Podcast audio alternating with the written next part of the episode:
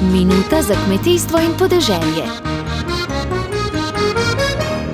Poročali smo že, da kmetijski minister Jože Podgoršek deležnike v žitni verigi spodbuja, da čim prej sklenejo zavezujoče pogodbe o pridelavi in odkupu žit, saj bi le tako lahko zagotovili, da bo v Sloveniji pridelano žito tudi ostalo doma. To bo apel vse čas, da pričnemo z zavezujočimi pogodbami, tako na strani kupcev, kot na strani zadrug, na strani eh, pridelovalcev, torej poljedelcev, zato da jeseni vendarle zadržimo žito v Republiki Sloveniji. Kajti ta bilanca uvoza in izvoza tudi pri izvozu žit nam nakazuje, da tukaj imamo še nekaj priložnosti, nekaj možnosti za izboljšavo, torej da lahko zadržimo več slovenskega žita v Republiki Sloveniji. Evropski poslanec Franz Bogovič pa pravi, da so v skupini Evropske ljudske stranke Evropsko komisijo pozvali k takojšnjemu sprejetju kriznih ukrepov za zagotavljanje prehranske varnosti, ki med drugim zahtevajo tudi čim večje spodbude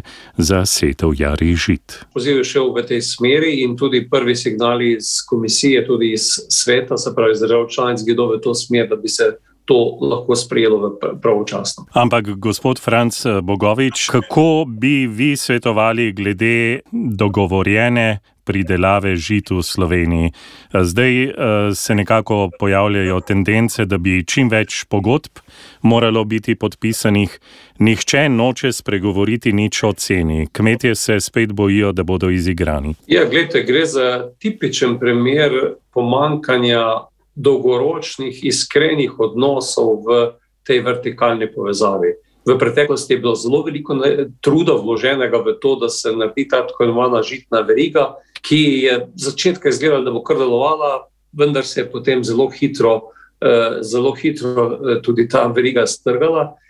In gre za problem, kot ste ga že omenili, da se pri cenah z mlinarji zelo težko dogovoriti, kaj vnaprej in da ta cena tudi zelo varira. In to, to veliko variranje cen, ta volatilnost cen je v kmetijstvu zelo velik problem in je podobno, kot je, smo v preteklosti poznali v energetiki, sedaj prehaja v kmetijstvo.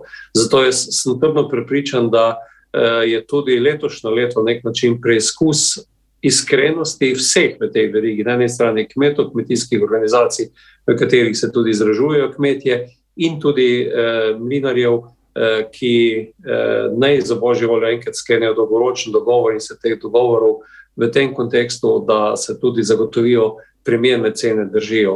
In upam, upam da, da je res ta lekcija dovolj velika, da se bo to tudi storilo. Dobro se je zavedati, kmetijstvo nas vse preživlja.